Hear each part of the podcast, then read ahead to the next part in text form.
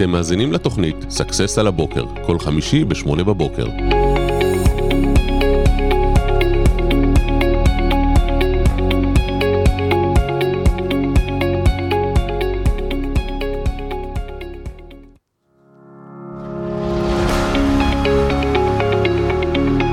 אתם מאזינים לתוכנית Success על הבוקר. בוקר טוב, בוקר טוב, בוקר טוב, מה העניינים? בוקר מצוין, מה נשמע אלעד הדר? זה זאב גרינברג או זאב גרונברג? האמת היא שזה זאב גרינברג, קודם כל בהגייה. במקור השם משפחה הוא מגרמניה, ובגרמנית הם משתמשים ב-U עם שתי נקודות למעלה, אבל מבטאים את זה כ-E, אז... זהו, כי זה מבלבל, בפייסבוק אתה גרונברג, ובזה גרינברג. נכון. אז אני- גרינברג, גרינברג זה זאב שמבטאים green את זה. screen? נקרא green לזה? screen. green screen נקרא. גדול. טוב, חברים, היום אנחנו הולכים לעשות לכם שידור מה זה מיוחד. אנחנו מקווים שאתם שומעים אותנו טוב, רואים אותנו טוב. אני גם רוצה לבדוק את הדבר הזה. במיוחד לאור כל האתגרים הטכניים שאנחנו מדי בוקר אה, נתקלים בהם, אתה יודע איך זה. ומתגברים עליהם. כן, אז בואו נראה אם באמת התגברנו עליהם. Uh, הרעיון בשידור היום זה כל מה שקשור לילדים ובתי ספר, ואם האינטרנט שלי לא היה כזה איטי, אז הייתי רואים, אנחנו באמת uh, שומעים אותנו ורואים אותנו, ו... אני יוצא מתוך נקודת הנחה שרואים אותנו. היום זה יום, היום זה יום שני כבר של שביתה בבתי הספר, מלאה. ובטח שיש הרבה אנשים שסוחבים את הילדים לפה ולשם, או לא יודעים מה לעשות איתם, וחשבנו לעצמנו שאין זמן יותר טוב מהיום הזה לדבר באמת על... על כל מה שקשור לילדים ובתי ספר, ובעצם מה אנחנו חושבים שצריך לעשות עם אה, ילדים, וכן צריכים ללמד אותם בבתי ספר, ולא מלמדים אותם בבתי ספר. והיום הייתי כל כך נלהב לגבי השידור הזה, שמה שעשיתי זה, תאמין או לא, הכנתי רשימה. די! כן, תמיד זאב בא עם רשימות כזה, והוא ממש מאורגן ומסודר, ואני אומר, אה, למה? אז האמת שהרגשתי שזה כזה נושא כל כך חשוב, שרשמתי לי ממש נושאים, אתה תהיה גאה בי. איזה נהדר, אבל קודם כל בואו אה, בוא נגיד לכולם, נבקש מכולם לשתף את השידור הזה. אנחנו הולכים היום לדבר על המון דברים מעניינים שרלוונטיים לכל אחד ואחד מכם, גם מי שאין לו ילדים וגם מי שכבר יש לו, אה, גם מי שהוא שכיר, גם מי שיש לו עסקים אה, וכולי. אז בואו נשתף, תשתפו את השידור. גם אני. אשתף אותו, אתה שיתפת? לא, טוב שאתה מזכיר לי, האמת, תודה. חשוב. אז הנה, אני עושה שיתוף, שיתופיישן בוצע. שיתופיישן, אני לא מצליח לעשות שיתוף, למה? תכף נראה. כי אתה, זה, תביא לי את הטלפון שלך, אני אטפל לך בזה בינתיים, ואז אתה תתחיל עם, ה, עם הדבר הראשון שאתה חושב שצריך uh, ללמד ילדים בבית ספר. מה אתה אני, אומר? הדבר הראשון שאני רוצה באמת אה, בהקשר הזה לדבר עליו, אה, זה על משהו שאני שמתי לב שלאורך כל החינוך שלנו, וזה בא לידי ביטוי בכל דבר שאנחנו עושים, יש המון המון פוקוס על כל אותם דברים ש... איך נקרא להם? טעונים שיפור. אוקיי, כמו מה לדוגמה? אה, תשמע, קודם כל אני חייב להגיד בתור התחלה שזה בא ממקום טוב, זאת אומרת, בטח הייתה מחשבה, אוקיי, בוא נזהה מה דרוש שיפור כדי לשפר, שזה אוקיי. נהדר, אני חושב שזה נהדר. אממה, אה, יש אה, קצת בעיה אה, כשאנחנו אה, מתרכזים בחולשות שלנו, ויש הבדל גדול בין דינמיקה של הצלחות לדינמיקה של כישלונות, או דינמיקה של חוסרים. אז עכשיו, אם אתה מרוכז, אה, כמה שאתה יותר מרוכז בחולשות שלך, בעצם, אתה מכיר את זה, זוכר היה פעם ברחוב סומסום או משהו כזה, אה, היה, אה, את ה, היה כזה, הוא קרוי משפט ולא קורא אותו עד הסוף, אז כאילו... מה ש- אוקיי. מה שאתה חושב עליו, זה מה שמכיל את התודעה שלך. ואם אתה כל הזמן נמצא בתודעה של שיפורים, או של חוסרים, או של חולשות, אז זה יוצר לך איזו תמונה שהמצב הוא חלש, חלשלוש, מה שנקרא. אוקיי, אז אתה אומר שכל הזמן, מה, מחנכים את הילדים שלנו לחולשות שלהם, במה הם לא טובים? נכון, יש המון המון פוקוס על מה צריך לשפר, ומעט פוקוס על, רגע, מה החוזקות שכבר יש לו. הרי החוזקות שלך בסופו של דבר, מדהים. זה מה שיש לך ביד. אולי אחת הבעיות בבתי ספר זה שמנסים ללמד את כולם להיות בשטאנץ אותו דבר, במקום לקחת את החוזקות, ואז בעצם אתה פוגע בביטחון העצמי של הילד. הרי אחד יכול להיות טוב במתמטיקה, אחד יכול להיות טוב בכלל באומנות, אחד יכול להיות טוב בספורט, וכל אחד מהם הוא טוב, אבל מה שקורה בבית ספר זה בעצם רומסים אותך על מה שאתה לא טוב, מקטינים אותך, אומרים, אתה לא בסדר, אתה לא משתפר. אה, אחד הבנים שלי עכשיו קיבל ציון 37 במבחן, עכשיו זה, זה ילד, אני בכוונה לא אגיד מי, שהוא מאוד מאוד חכם ומאוד מצליח, אבל אתה יודע, פעם אחת, מבחן אחד ממש שובר את רוחו, וזה ממש פוגע בביטחון העצמי שלו. אז אני מאוד מאוד אוהב את הדבר הזה, וזה מביא אותי לסעיף הראשון שרציתי לחלוק איתך, שאחד הדברים שלא מלמדים אותנו לחיים, תאמין או לא, mm-hmm. זה לדעת להפסיד. האם חשבת על זה? מעולה. איפה פעם לימדו אותך להפסיד? תקשיב, זה, זה כל כך לא מלמדים אותנו לא להפסיד, איך להיכשל. עכשיו, איך תצליח בלי להיכשל? אין דבר כזה. אני יכול להגיד לך שכשאני בגיל שבע, אני התאמנתי ג'ודו אצל ההורים שלי, והייתי בטוח שאם אה, אבא שלי הוא המאמן, אני בטוח אזכה בתחרות. כאילו, מה זאת אומרת, אני הבן של יורם הדר, יש לי את הגנים, ירשתי את ה-DNA הזה. ו... ואז הגעתי לאליפות נס ציונה הפתוחה, אתה יודע, מי ישמע עכשיו אה, מינימום חצי אולימפיאדה?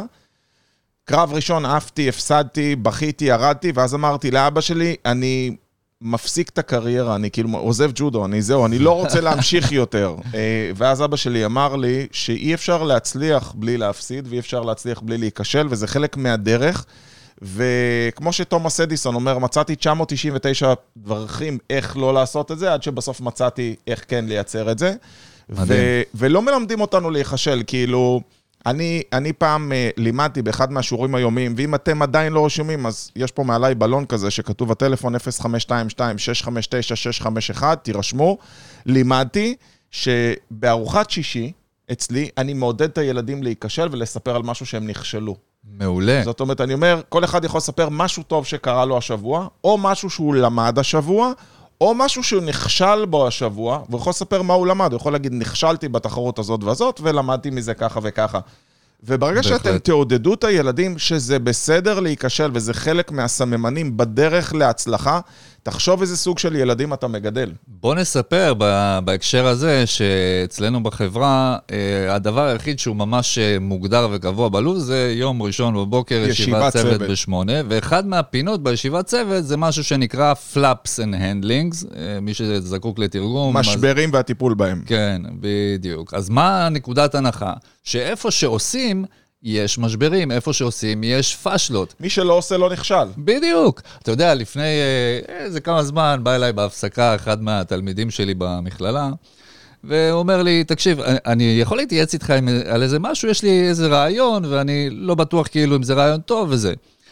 אז אמרתי לו, ישר אמרתי לו, יצא לי ככה בספונטני, אמרתי לו, סביר להניח שזה רעיון אידיוטי. למה? כי רוב הרעיונות הם אידיוטים, אממה. אין סיכוי, או זאת אומרת, ההסתברות שתגיע לרעיון הטוב בלי שעברת כמה וכמה רעיונות אידיוטיים, ההסתברות לזה היא אפסית. קטנה מאוד. כן, אז אתה חייב להיות מסוגל שיהיה לך את החופש ואת הביטחון באמת, לזרוק דברים ולשים אותם על השולחן, להתחיל לשחק איתם, גם מה שאין בזה ביטחון עדיין בהצלחה. וזו נקודה מאוד מאוד מאוד קריטית, כי הרבה מאוד ילדים, בגלל הפוקוס הזה על ההצלחות הצלחה, וההצלחות, הצלחה, הצלחה. זה מביא אותך, מביא הרבה ילדים למקום שהם לא מעזים לעשות. תחשוב שאני אקח את הבן שלי שקיבל 37, וקודם להגיד לו, יואו, איזה נורא, איזה פדיחה. אני אגיד לו, אוקיי, מה אתה יכול ללמוד מזה? אוקיי, לא הייתי צריך לצאת לי עם החברים לפני כן. אה, הייתי צריך אה, להקדיש יותר זמן. הוא, היה לו איזה blackout במבחן, ובמקום להילחם, הוא פשוט הגיש מבחן חצי ריק. הוא כאילו אומר, אני לא יודע, ופשוט ויתר על זה. אוקיי, איך אתה יכול להתמודד עם הלחץ הזה שפתאום קורה לך blackout? בוא נעשה רגע תרגילים, מה יכל להימנע אה, אכזבה כזאת מהבלקאוט. ובעצם מה שאתה עושה, אתה מעביר את הבן אדם תהליך. עכשיו, אם אתה מסוגל יש לי תובנה מדהימה. כן. אם אתה מסוגל להסתכל על הכישלונות שלך, בלי להרגיש פגיעה, אלא ממקום של למידה, אתה תמיד תצמח מזה. אם אתה מסתכל על זה כמקום של החמצה, ואני לא רוצה להסתכל על הכישלון הזה, אז אני לא אלמד מזה כלום. בואו ניקח את זה למקום של זוגיות. אם הייתה לי זוגיות רעילה ולא טובה, ואני פשוט לא רוצה לדמיין, לא רוצה לחשוב עליה, אני לא אלמד כלום ואני אעשה את אותה טעות בבת זוג הבאה שאני אעשה. אבל אם אני מצליח ללמוד מהדבר הזה ולקחת את זה לפעם הבאה, כנראה שאני אצמח ואני אזכה לזוגיות טובה יותר. אז כל מה שאתם צריכים לעשות זה ללמד את הילדים שלכם להיכשל. בהחלט, לגמרי. זה דבר שמאוד מאוד חשוב, ובאמת אה, אני לא רואה אותו נלמד בבתי הספר, וחבל.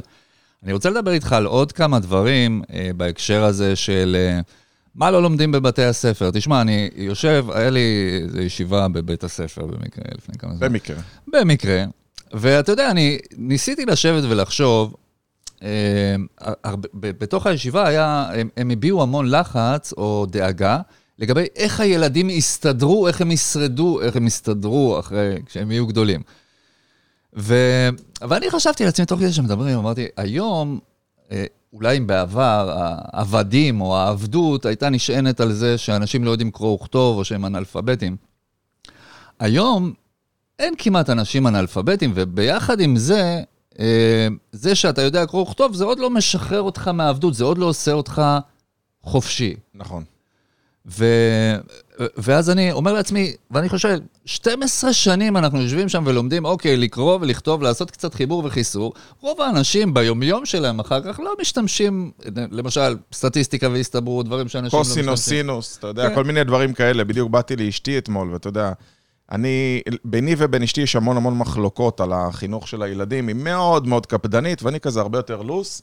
היא אומרת לי, זה לא חוכמה, אתה עזבת בית ספר, זה לא מתאים לכל אחד, והיא צודקת. אבל uh, אמרתי לה, תשמעי, בחייאת, כאילו, בוא, בואי נדבר רגע על כל מיני דברים שלמד, כמה מהם באמת רלוונטיים. אני חושב שאת הדברים החשובים לא מלמדים, ואם דיברנו קודם על כישלון, אני רוצה להגיד לך עוד משהו שנהיה כאילו בתרבות המודרנית, ואני רוצה לשים עליו איקס חרקירי. אומרים לילדים, זה בסדר לא, לא לנצח, זה, אל תשאף גבוה שלא תתאכזב. זאת אומרת, אה, אל, ת, תפתח בו תקוות. לא כולם יכולים להיות מקום ראשון, זה בסדר גם להיות שלישי. זה בסדר רביעי. העיקר ההשתתפות, כל אחד מקבל מדליה. fuck it, זה לא נכון, זה לא עובד ככה בעולם האמיתי. על מי אתם עובדים? אתם מרמים את הילדים. כאילו, בוא נגיד את האמת, כאילו, מבחינתי, כל מקום ראשון, פחות מראשון זה כישלון. כאילו, אם לימדתי להיכשל, זה לא אומר שאני לא רוצה לנצח, אני רוצה שתבינו טוב. אני רוצה שתלמדו את הילדים לנצח, וזה בסדר להיות תחרותיים. איפה בעולם האמיתי זה בסדר להיות מקום שלישי ורביעי? אתה במקום עבודה, אתה רוצה להתקדם, אתה צריך להצליח יותר מאלה שלידך. אם אתה רוצה להצליח ב- ב- בחברת הייטק או סטארט-אפ, זה לא בסדר להגיד, "יא, יש לי את כל הזמן שבעולם, לא יקרה כלום, אני אבוא עם הרעיון שלישי או רביעי. אין דבר כזה, אתה הולך לקחת עסקה, אתה רוצה למכור. זה בסדר להיות הרביעי שמגיש את ההצעת מחיר ולא לקבל את העסקה? על מי אתם עובדים?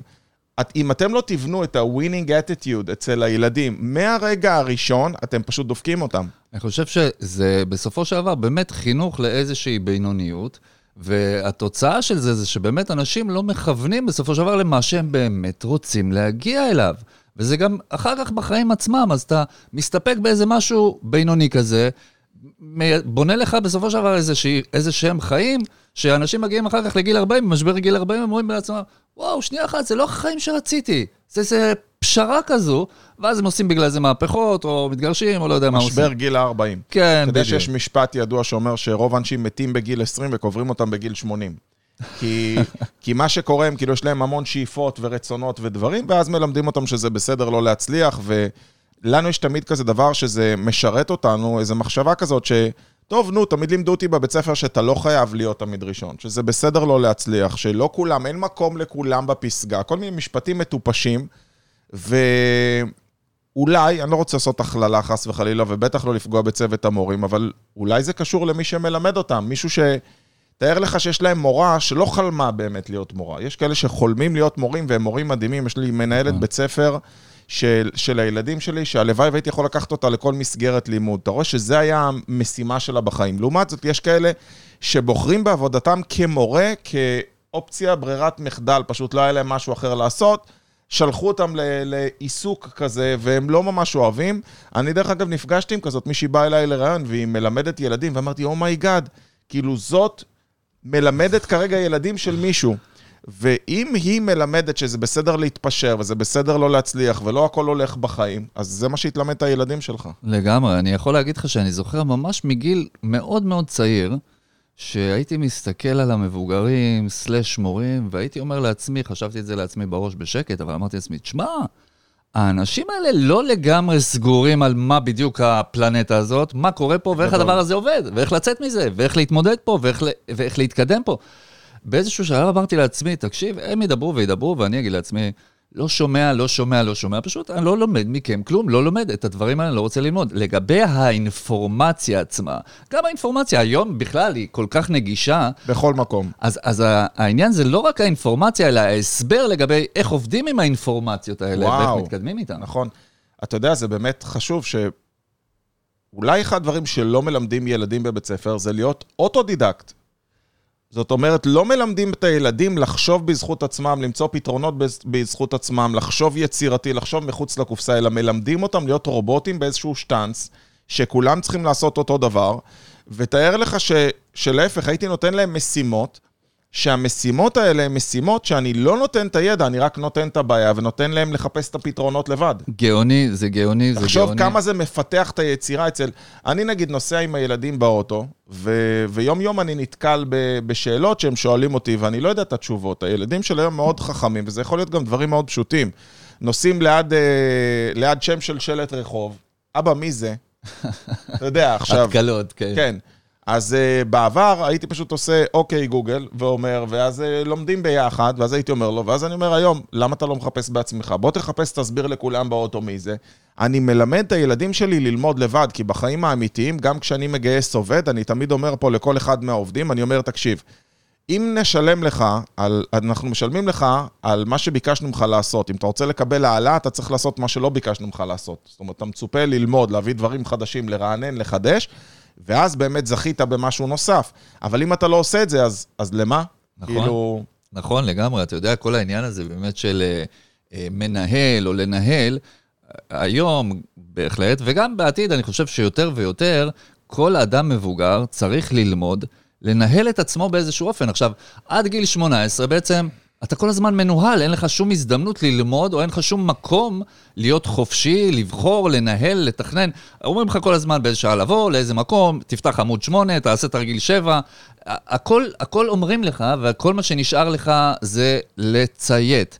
שעכשיו, אני לא נגד כאילו אה, משמעת והכל, אבל... אבל הבן אדם חייב שיהיה לו מקום גם כן לתכנן בעצמו. אז הנה, לילך אה, פליישר פה נותנת אה, נקודה, באמת בבתי ספר דמוקרטיים דואגים לחשיבה עצמאית של הילדים, מסתכלים עליהם בגובה העיניים ונותנים להם את הבחירה. נכון, באמת הילדות שלי בבית ספר דמוקרטי, לפני... וואלה. כן, לפני איזה חודש אני נוסע במונית עם הילדות לבית ספר, כי קצת איחרנו, ואז הנהג מונית בדרך מדבר איתי, שואל אותי, אז מה, בית ספר דמוקרטי? תגיד, זה... אבל גם ככה הם עושים מה הם רוצים, הדור הזה. תגיד, זה לא קצת בעייתי? אמרתי לו, תקשיב, אם יש משהו שצריך היום ללמד את הדור הבא, זה איך לנהל את עצמו, זה איך ליזום, ליזום את הקשרים החברתיים שלו, ליזום את התכנים שהוא, מח... שהוא רוצה, ליצור, ליזום את המפגשים, ליזום את הלוז שלו, באמת לנהל את עצמו. אז אני, אז אני אוסיף לזה גם ניהול זמן וניהול עצמי, כי אני חושב שאחד הדברים שאנחנו מקלקלים את הילדים היום, זה זה שאנחנו אנחנו מעירים אותם בבוקר במקום ללמד אותם להתעורר לבד. אתה מעיר את הילדות שלך בבוקר? את האמת. אני אגיד לך את האמת, אני יש לי טריק נהדר, שלמדתי אותו בקורס אילוף כלבים בשיטה שנקראת Free Force, Free Force Training, שלמדתי לא okay. בגלל שיש לי כלב, אלא בגלל שחיפשתי שיטות חכמות. אוקיי. כי אמרתי, וואלה, אם יש דבר שאני שונא, זה לריב עם הילדות שלי. שונא את זה. מה אני יכול לעשות כדי שהם יקומו כמו נינג'ות בבוקר, בלי שאני כאילו עליהם ובלי כאילו מלחמות? ואז פשוט יש לנו מנהג כזה שבבוקר אנחנו לפני הכל, לפני הכל, קמים מוקדם, הולכים, יושבים בבית קפה, אני שותה קפה, הם שותות צ'וקו, כל אחד עם את העוגיה שלהם, אני את הקורסון שקדים שלי, וזה כל כך כיף לנו, שהם פשוט קמות כמו נינג'ות על הבוקר, איך שהן קולטות שזה בוקר בשביל להספיק, בדיוק. וואי, איזה דבר מדהים. אז אני, אני יכול להגיד לך שרוב האימהות שאני מכיר, או רוב האבות או המשפחות, מה שהם עושים, הם פשוט, הם מעירים את הילדים, ואז זה הופך להיות שאתה התוצאה של הילד, אתה עובד אצלו, והוא, מה יקרה בצבא, מה יקרה כשהוא יהיה עצמאי, מה יקרה כשהוא יגור בדירה משלו. אז זה ניהול זמן, אל תאחר. ועוד דבר, זה ניהול עצמי. שים לב, יש לך מבחן עוד יומיים, יש לך עבודה. אם אתה לא תתכונן עכשיו, אם אתה תלך היום עם החבר, אתה לא תספיק ללמוד למבחן מחרתיים, יש לך עבודה להגיש. אני ממש רואה הורים שהופכים להיות המזכירה של הילד. ובעצם מה אתם מלמדים את הילד? אתם דופקים אותו, כי הוא לא לומד להתנהל. אני אומר, תן לילד אפילו להיכשל במבחן שניים, שייזכר שהוא לא למד, הוא ילמד לחיים לקח הרבה יותר טוב. למה? עדיף שהוא יעשה את זה בכיתה ג' יפספס את השיעור, יפספס את המבחן, ואז נגיד לו, סליחה, למה אתה לא נכנס להסתכל במערכת שלך? היום הכל דיגיטלי. תלמד לנהל את עצמך. עכשיו, עדיף שהוא ילמד את זה בכיתה ג', מאשר שהוא יצטרך להגיש עבודה כעורך דין, או כרואה חשבון, או משהו, מטלה בעבודה שלו, ויפטרו אותו בגלל זה. מה, אימא שלו או אבא שלו יהיו איתו בגיל 25, להגיד לו, אל תשכח, מחר אתה צריך להגיש עבודה חשובה? אתם הופכים את הילד להיות נכה, נכה. תנו לילדים ככה. ללמוד לנהל את הזמן בעצמם, תנו להם ללמוד לנהל את עצמם עם כל המשימות שיש להם. כמה משימות כבר יש להם? אין להם הרבה. נכון, אין להם הרבה משימות, והדברים ש...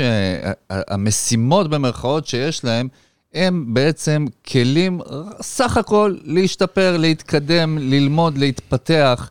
אין צורך אה, לצפות שהכל יהיה מושלם או ייעשה בצורה מדויקת. לא, זה פשוט כר עבודה, זה, זה שדה לאימונים.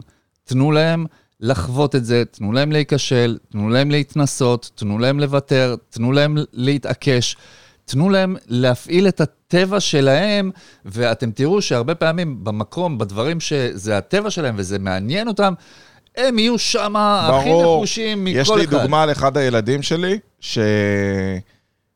הוא, הוא, הוא, יש לי כמה, יש לי חמישה ילדים, חלק מהם קמים בלי בעיה, חלק קמים עם השעון, יש אחד שהוא כמוני, הוא קפיץ, כאילו, לא צריך אף פעם להכין אותו, ויש יש לי אחד שאתה יודע, הוא מאלה שצריך להעיר אותם איזה ארבע פעמים. וכל פעם, כן, כן, קמתי, חוזר לישון, אני קם, אני קם. ו... והוא, אין, ממש בעייתי, תמיד כולם מאחרים בגללו. אבל אתה יודע מה מדהים? שאם הוא צריך לבוא, הוא יודע שאני לא מחכה. ונגיד יש לי אימון ראלי והוא רוצה לבוא איתי לאימון במרוצי מכוניות, אני אומר לו, תקשיב, אתה צריך להיות מוכן בשעה הזאת וזאת, אני בא להעיר אותך פעם אחת. אם אתה לא מוכן, אני לא מחכה, אני מצטער, תכין מה שאתה צריך מהערב, ואני בא כזה, אני לוחש לו, אני אומר לו, זאב, קום, אנחנו צריכים ללכת. וואלה, תוך שתי דקות הוא במטבח, מוכן, מכין כריכים.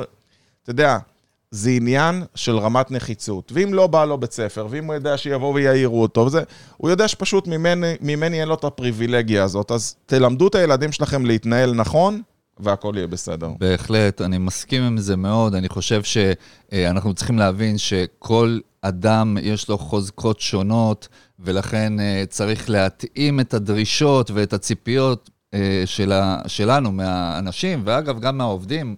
שזה גם כן משהו שאני אשמח לשאול אותך, כי אני יודע ש... אה, ואני רואה איך, כמה דברים מעניינים, שאחד, אתה אף פעם לא צועק על העובדים, לא משנה גם שאין מצב כזה, לא ראיתי את זה אף פעם. נכון. שזה מעניין. ו, וגם עוד דבר שזיהיתי, שאתה אה, מנסה להבין מה החוזקות הטבעיות של הבן אדם בשביל לשים אותו בתפקיד שמתאים לחוזקות שלו. ו, והרבה פעמים אנחנו רואים חוסר אה, הבנה בדברים האלה, למשל תופעות כמו, יש לי איזה עובד מצליח באיזשהו תפקיד והוא מצליח, ואז אוקיי, בוא נעשה אותו מנהל נניח, אבל תקשיב, זה לא בהכרח שזה יהיה החוזקה שלו. בוא ניקח את זה לילדים.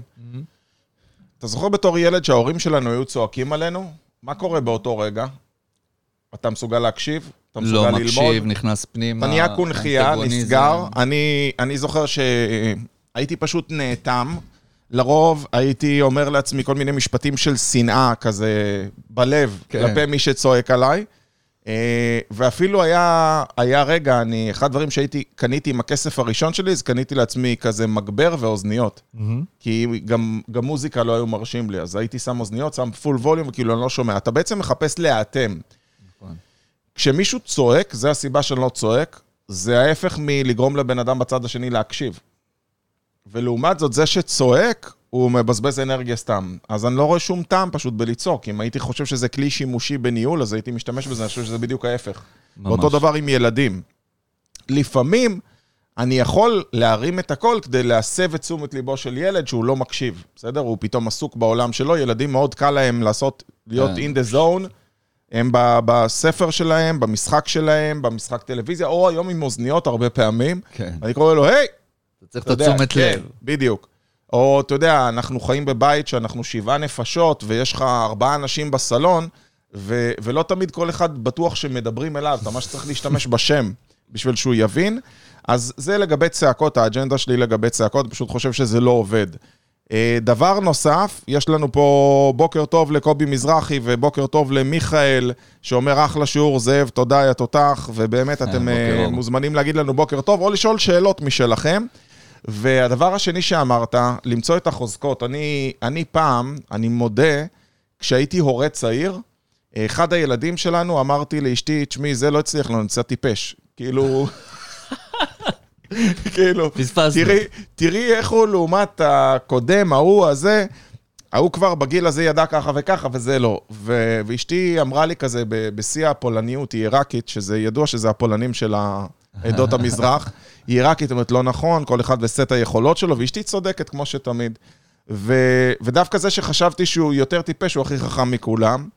אין קשר, כל אחד והסט יכולות שלו, ואני חושב שמנהל טוב והורה טוב זה מישהו שיודע לזהות מה היכולות ולהעצים את היכולות התבואות בבן אדם. אני לא אומר לוותר ולא לטפל בדברים שאתה חלש בהם, כן, תתמודד עם גם מה שאתה חלש, אבל אני לא שופט את הבן אדם לפי החולשות, אני מנסה לחזק את החולשות האלה, אבל. אני אקח את הדברים שהוא טוב בהם ואני אשתמש בהם. אני חושב ש... בן אדם צריך גבולות וצריך חוקי משחק, אבל לא צריך לכבול אותו, אתה כובל אותו, הוא רוצה לברוח ממך.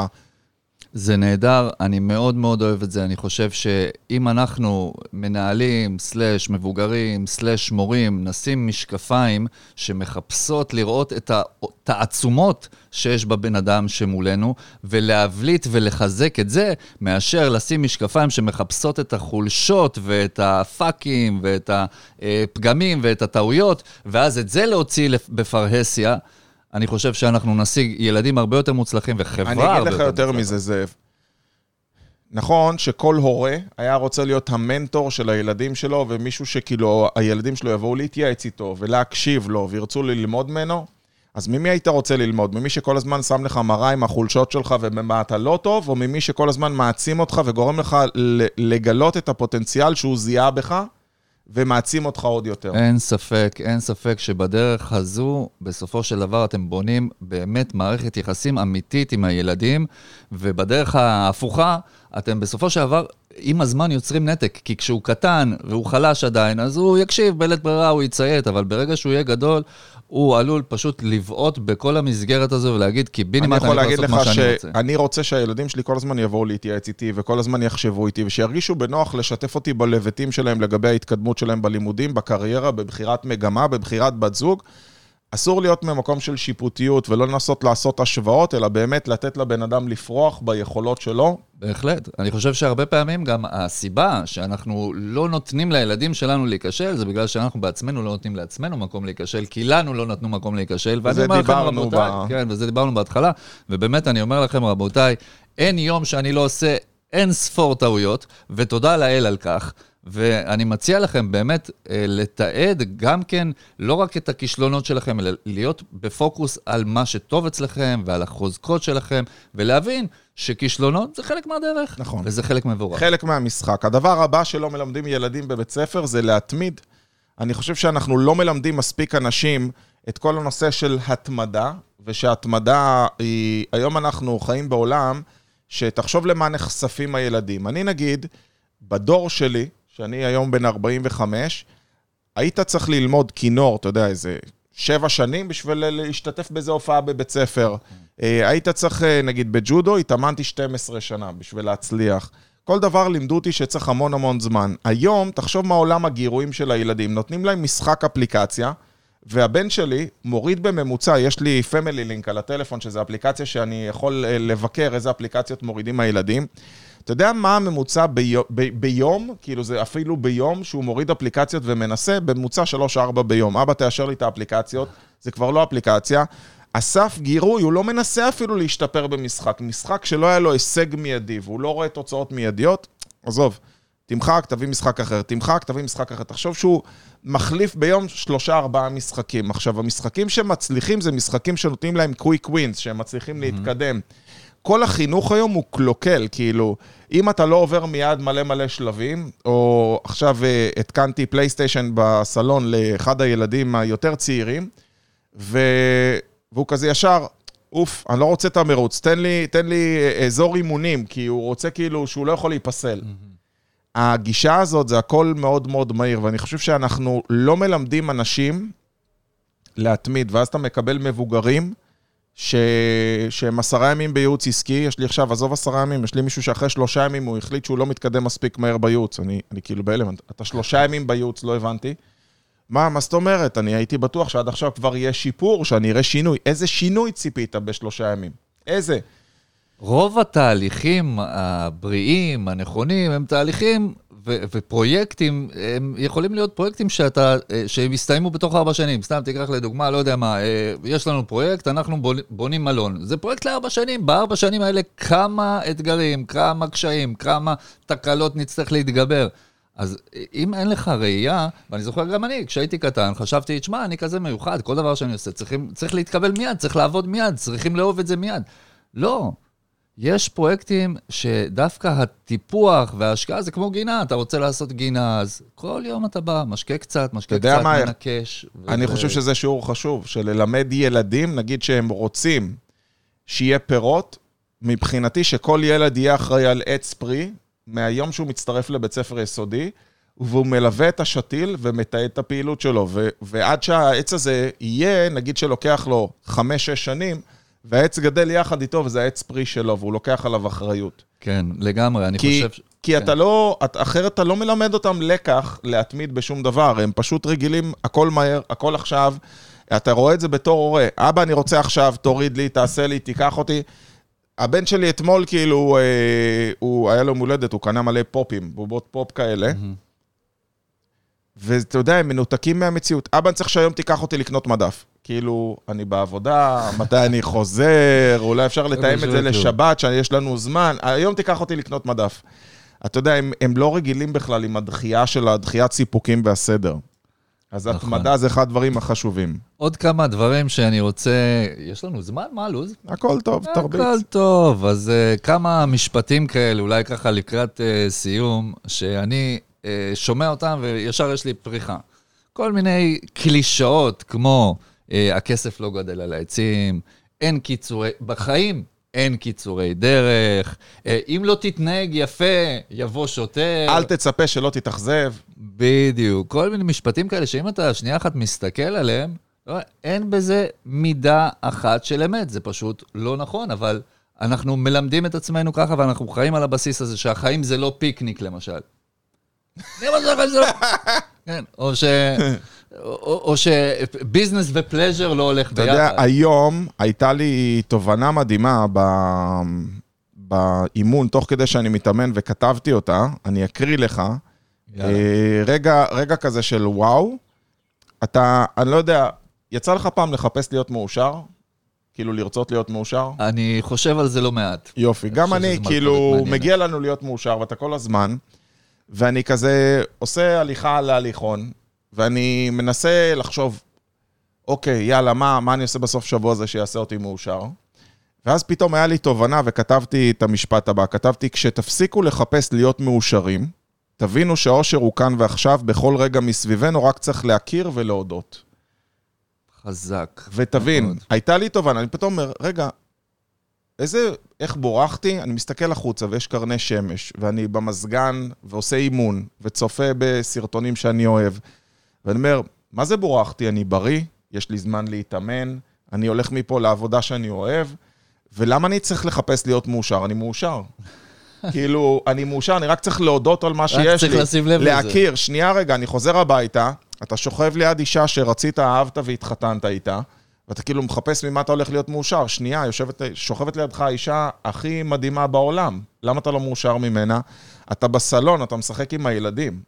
אתה יכול להיות הכי מאושר כרגע מהילדים מלשחק איתם. אנחנו כאילו כל הזמן באיזה מרדף שחסר לנו משהו, כשבעצם האושר הוא כאן ועכשיו. רק צריך להסתכל, להכיר ולהודות. נכון, ה- אנחנו תולים את האושר שלנו בהשלמה כאילו במשהו של- שחסר. בדיוק, ואם תסתכל על זה, תמיד אתה יכול למצוא דברים שחסר, אבל בוא נראה שנייה אחת את מה שיש. כעיקרון, אתה יודע, אתמול ישבנו, אכלנו פיצה, ובדיוק השולחן התנדנד, הבקבוק אה, אה, שתייה שהיה לי כמעט נפל, ובדיוק? עבר איזה בחור ותפס אותו, והבת. שלי אומרת, וואו, תראה, זה היה ממש נס, הוא הציל לך את זה. אמרתי לה, כל רגע זה fucking נס, פיפ, סליחה על המילים. כי, כי למה? בשביל שאתה, שאתה קם בבוקר, העיניים שלך עובדות, אתה רואה, אתה נושם, אתה חושב, כל זה זה תלוי באין ספור תנאים, שאם אחד מהם משתנה, אז, אז פתאום כואב לך אגב, אתה קם, אתה לא יכול ללכת, ואז אתה אומר, אוי, כמה טוב היה לי קודם, כשלא כאב לי אגב, כמה טוב... בדיוק. אנחנו לא מוקירים תודה מספיק על מה שיש נכון. לנו. ואתה יודע מה? זה מחבר אותי לילדים. כי הילדים שלנו לא מוקירים תודה. אני בשבת הולך לעשות אירוע למען ילדים בכפר נוער אה, נווה יהודה, בנס ציונה, ואני לוקח את הילדים שלי. והילדים שלי הולכים לעבוד ולהפעיל את המכונת פופקורן ומכונת סוכר שיש לנו, אה, והם בעצמם יגישו את זה לילדים אחרים. עכשיו, הילדים שלי בעצמם אפאתיים לזה, כי לאבא יש מכונת פופקורן וסוכר, אתה יכול מתי שאתה רוצה, אבל פתאום כשאתה מגיש את זה לילד פנימייה, שבחופש הגדול אין לו בית בכלל לצאת, אתה יודע איזה שיעור זה לילדים לקבל פרספקטיבה אחרת לחיים? נכון. שהם יראו איך הם חיים ולהגיד, אוקיי, אתה רואה את הבית הזה? אני, אתה יודע מה, אני אבקש אפילו לעשות סיור עם הילדים בפנימייה, אני אבוא לפני, כדי שאני רוצה שהם יראו איך זה שישה ילדים שחיים בחדר ויש להם פלייסטיישן אחד, כולם נשחק בו, או שבכלל אין שם פלייסטיישן. הם לא מעריכים, ואני חושב שאנחנו בכלל לא מעריכים, וזה ככה היה תובנה לגבי. אושר של בוקר. אני חושב שאם אתם רוצים שהילדים שלכם יהיו אנשים שמוקירים תודה, תהיו אתם אנשים שמוקירים תודה. זה מה שיעשה אותם. אתם רוצים שהילדים שלכם אה, יהיו, אה, אה, איך אומרים, אה, מתמידים? תהיו אתם מתמידים. אתם רוצים שהילדים שלכם יהיו דוברי אמת? תקפידו על זה גם אתם. אתם רוצים שהילדים נכון. שלכם ינהגו יפה באחרים? תנהגו אתם יפה באחרים. לשמש דוגמה. לגמרי. דבר הבא שאני חושב שלא מלמדים ילדים בבית ספר זה למכור. או... תקשיב, זה, זה הכי אלמנטרי, אתה יודע, מלמדים אותנו שיעורים בהיסטוריה, על uh, המהפכה הצרפתית. תגיד, המהפכה הצרפתית, הידע עזר לך בחיים? כאילו, מה זה עזר לי? חבל על הזמן. יצרת כל- מהפכה כלשהי כל בזכות פעם זה? שאני מתכנן מהפכה, אני הולך לזה. בדיוק. אבל לעומת זאת, מה עם משהו בסיסי כמו למכור? אתה יודע, אתה צריך למכור את עצמך למקום עבודה, אתה צריך למכור את עצמך לבת זוג, אתה צריך למכור את עצמך ללקוח. את- אנחנו כל היום מוכרים, אני צריך למכור לאשתי לא לשטוף כלים, אני צריך למכור לאשתי שכדאי שנצא לחופשה. כאילו, אנחנו כל היום מוכרים. מתי פעם אחרונה נכון. לימדתם מה זה באמת למכור? ילדים גדלים, או אנשים גדלים, שחושבים שלמכור זה לעבוד על אנשים. נכון, ואתה יודע מה, זה מזכיר לי שוב פעם מה שסיפרתי בהתחלה, שבאותה ישיבה שהייתה לי באיזה בית ספר, לא נגיד את שמו, אז היה המון דגש איך הילדים ישרדו, איך הם יסתדרו, איך הם יסתדרו. ואני אמרתי לעצמי, ואמרתי גם להם, שאני מכיר רק דרך אחת. האמת היא, אני מכיר שלוש דרכים איך אפשר לעשות כסף או להרוויח כסף. הדרך הראשונה זה לגנוב. אני לא ממליץ על זה, כי זה לא, לא בענייני מוסר, אתה יודע, אני לא מרצה למוסר, אבל בטוח שמבחינת cost effective זה לא יביא אותך למקום שאתה רוצה.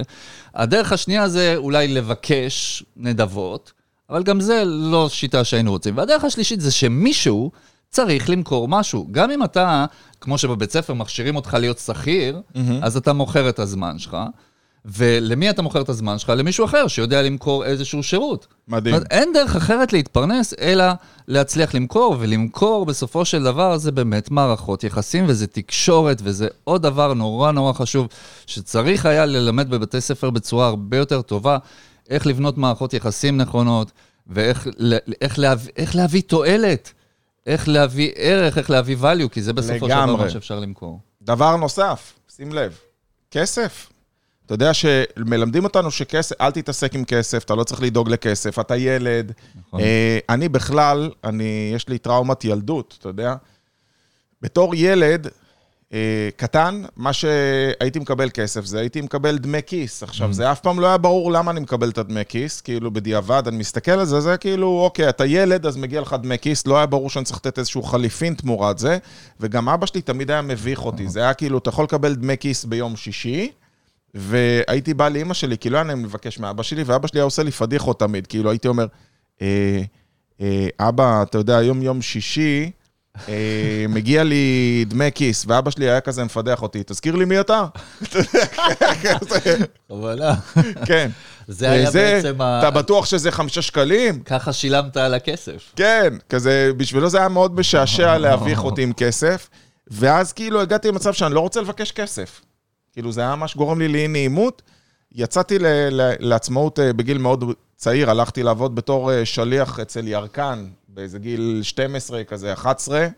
אה, אחרי זה מכרתי פופקורן ושתייה ב- בימי העצמאות בנס ציונה. אני אספר משהו הכי, הכי פלילי שלא סיפרתי אף פעם. בתיכון הזכרתי סרטים כחולים. סוג הדברים שאפשר להוציא ממני רק בשידורים שיש לי ממש מצבי רוח. שידורים חיים. אתה יודע, כאילו כל דבר שהיה אפשר לעשות כסף, אבל uh, בסופו של דבר אתה מגיע למצב שצריך ללמוד לאהוב כסף, ואני חושב שלא מלמדים את הילדים שלנו לעשות כסף. אתה יודע, אגב, שכסף בעברית זה בא מהשורש כיסופים. אוקיי, זה מאוד מעניין. כי כיסופים זה כאילו... נוצץ רצ- כזה? לא, זה רצון להשיג איזה... משהו נחשף, כאילו. אוקיי. אז כאילו כסף זה איזה כלי להשיג את הדברים שאתה נחשף אליהם. אבל באמת בהקשר הזה, לא מלמדים אותנו מה זה כסף, לא מלמדים אותנו מה זה בנקים ואיך לעבוד עם בנקים. אתה יודע, אני יודע שאנשים מבוגרים בגילנו ומבוגרים מאיתנו, עדיין לא יודעים. מה זה, הם מפחדים ללכת, הם מפחדים להיכנס לבנק, אבל אתה יודע מה. פתטי? יש כאילו שיעורים על כסף. שאלתי את הבן שלי, הבן שלי, עשיתי איתו יום אחד הליכת בוקר, אז הוא אומר לי, כן, אבא, התחילו ללמד אותנו על כסף. אמרתי, או, איזה יופי, מה לימדו אתכם? אומר שלימדו אותנו שעל השטר של החמישים, הדמות זה ככה וככה. אמרתי לו, אתה רציני? זה כאילו מה שלימדו אותך על כסף, כי לימדו אותם מה זה הדמויות על השטרות. לא לימדו אותם בכלל מה אפשר לעשות עם הכסף ואיך אפשר להשתמש כן, בו. חתיכת נייר, בדיוק, שהיא כל כך. לכאורה מובנת מאליה, ואנחנו לא יודעים על זה כלום. תקשיב, ברג- נניח למשל, ברגע שעכשיו אני מחזיק את הנייר הזה, תוך כדי שאני מחזיק אותו, הוא שווה פחות ופחות ופחות. זאת אומרת, תכלס הדבר הזה, אין לו שום משמעות. נכון, ואם תקרא אותו הוא לא שווה פתאום כלום. נכון, אני שמעתי פעם הגדרה מעניינת לכסף, אמרו לי, כסף זה רעיון פשוט, נכון, שיש, שיש אמון לגביו. זאת אומרת, לגמרי. אז אם כסף זה רעיון שיש לגביו אמון, אז באיזשהו אופן, כל רעיון שאתה מצליח למכור, שווה כסף. בדיוק. אז כסף זה אחד הדברים שבהחלט צריך אה, ללמוד לגביו. ושני נושאים אחרונים שאני רוצה לחלוק איתך, זה אחד, להיות חלק מקבוצה ולהבין שכדי להצליח בחיים אתה צריך להיות חלק מקבוצה ולא רק אינדיבידואל. תקשיב, זה נקודה ממש ממש חמו, ח, חשובה. בבתי ספר בדרך כלל אנחנו מאוד uh, מחנכים אותנו, אוקיי, להישגים אישיים, ומשווים את ההישגים האישיים שלנו לעומת אחרים, אומרים לך, תקשיב, אסור להעתיק, אסור להסתכל. Uh, בפועל, uh, ה- התוצאה של זה זה שאנחנו מחזיקים, הרבה פעמים אנשים מחזיקים... לא מגלה, לא מראה, שומר זה אצלו. שלי. מתי פעם אחרונה שמעת בבתי ספר שנותנים להם משימות קבוצתיות? זאת אומרת, ליצור קבוצות ולהבין את הכוח של קבוצה, ושכל אחד משלים את השני.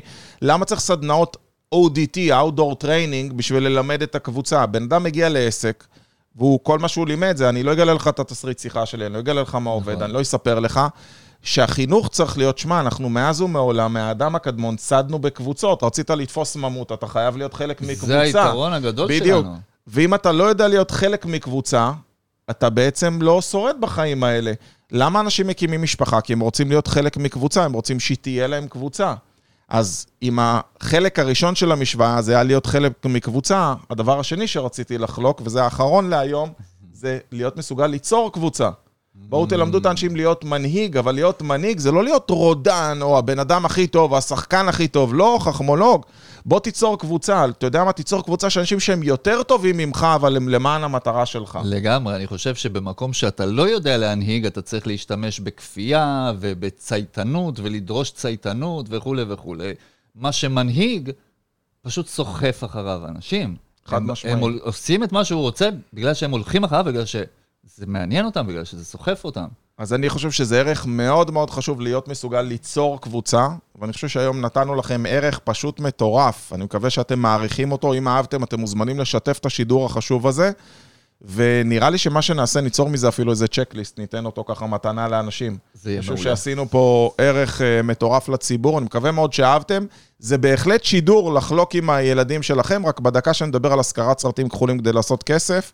אפשר למחוק את החלק הזה, למרות שהיום זה לא רלוונטי. לצערי הרב, הילדים היום נחשפים בגיל מאוד צעיר לדברים שרצים בוואטסאפ. ואולי זה נושא לעוד כן. שידור. אז אה, חברים, אנחנו מקווים שאהבתם. כל יום חמישי סקסס על הבוקר, אלעד הדר וזאב גרינברג, שאומנם כתוב גרונברג, אבל זה גרינברג. גרינברג. יאללה, אנחנו נתראה בשידורים הבאים, שיהיה יום מצוין. יום שישי חזק. ביי חברים. לכולכם. ביי ביי.